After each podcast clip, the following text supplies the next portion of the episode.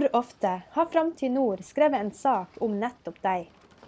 Nå kan du søke i hele vårt 30 år lange og fyldige arkiv, og gjenoppdage gamle artikler helt tilbake til 1988. Gjør ditt søk på framtidnord.no i dag, eller i din e-avis-app på mobilen.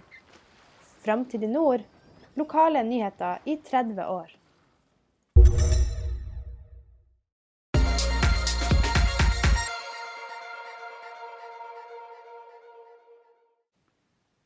Riktig god fredag fra Nordens Paris. Fra et hotellrom i syvende etasje på Edge. Jeg sitter og ser ut gjennom vinduet og ser ned på uh, Tromsøbyen. Uh, en by som jeg har sånn uh, Hva skal jeg si? Blanda følelser for som nordtromsing. Jeg har masse familie i Tromsø og, og er på sett og vis glad i byen. Uh, og, og flott uteliv Alt er veldig bra med, masse veldig bra med Tromsø. Og som nordtromsing så er man jo samtidig litt redd for denne byen. For den, som han, min kollega i, i Folkebladet, Steinulf Henriksen, skriver, den suger. Den suger ikke på den måten, det begrepet, det kule begrepet om at nei, det suger. Det suger til seg arbeidskraft og kompetanse og folk. Eh, det er f.eks. en grunn til at eh, en av de største eh, Når vi måler trafikk, så måler vi hvor dere brukere er. Og Tromsø er en av de største plassene for brukere. Vi har masse folk i Tromsø som leser Framtid Nord. Og hvorfor da? Jo, fordi at de har flytta fra våre seks kommuner hit til byen. Av naturlige årsaker, for all del. Det handler om jobb, det handler om familie, det handler om at du studerer der, og så finner du kjærligheten, og så finner du jobben. Og så, og så er det jo i tillegg en by som gir deg en masse muligheter. Eh, så det er, en, det er en by som jeg drar til med litt sånn blanda følelser. Det er godt å komme hit. Masse familie, som sagt. Og så er det samtidig også litt sånn skremmende, fordi at jeg vet at uh, vi må konkurrere med denne byen for å få de gode haugene. Så har jeg vært på en del uh, samlinger. Til, til, uka skal jeg bl.a. lede en sofaprat om bolyst og blilyst i uh, Nordreisa. Og den gleder jeg meg veldig til. Jeg tror vi har et veldig spennende og bra panel der. Um, og da skal vi snakke litt om akkurat de her tingene. Hvordan skal vi konkurrere med bl.a. Tromsø, Bodø og Oslo, ikke minst, om å få Altså, Ungdommene våre må jo selvfølgelig hit til andre plasser for å få høyere utdanning, men så må vi sørge for at vi er så hippe og kule at de kommer tilbake. Eller kanskje skal vi ikke være hippe og kule.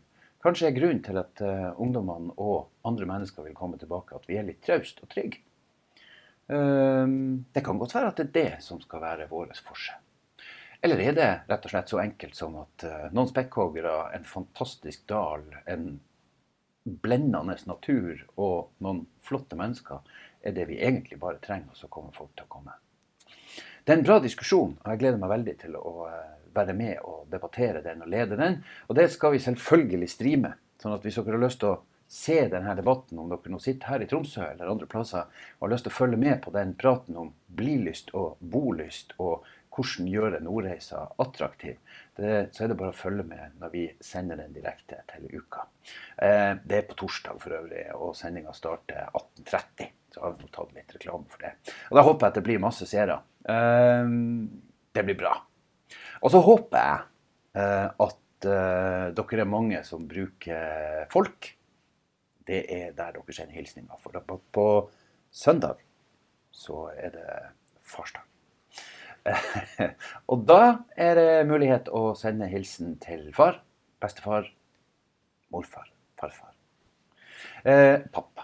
Eh, og da er det veldig enkelt. Du går inn på Framtid Nord, eller folk.framtidnord.no, og så skriver du en hilsen. og så kommer den på nett. Og det blir veldig hyggelig. Og det er jo kjempekoselig å få hilsen.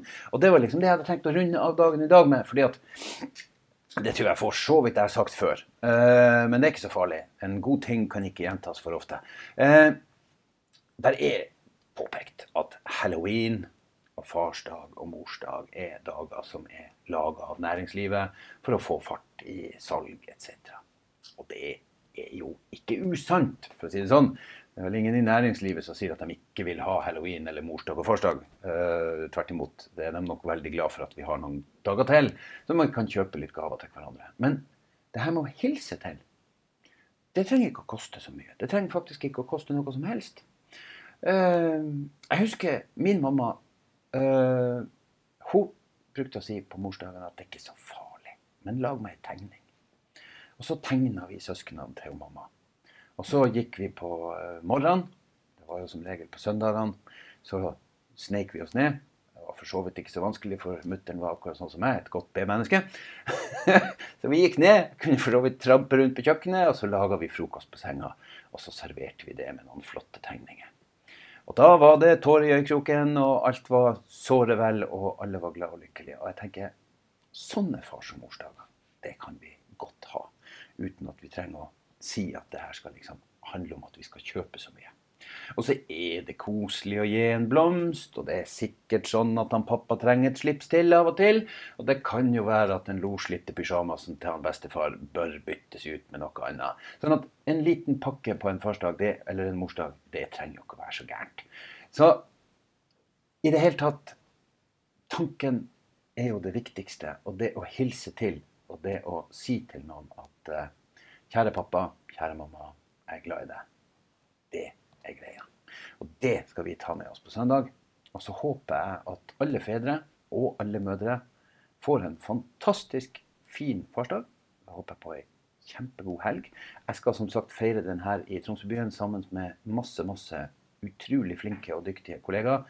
Jeg er stolt av å befinne meg i et medielandskap som har møtt utviklinga og det som skjer med krumma nakke og heva hodet. Vi går inn i framtida med ganske spennende og, vil jeg påstå, lyse utsikter.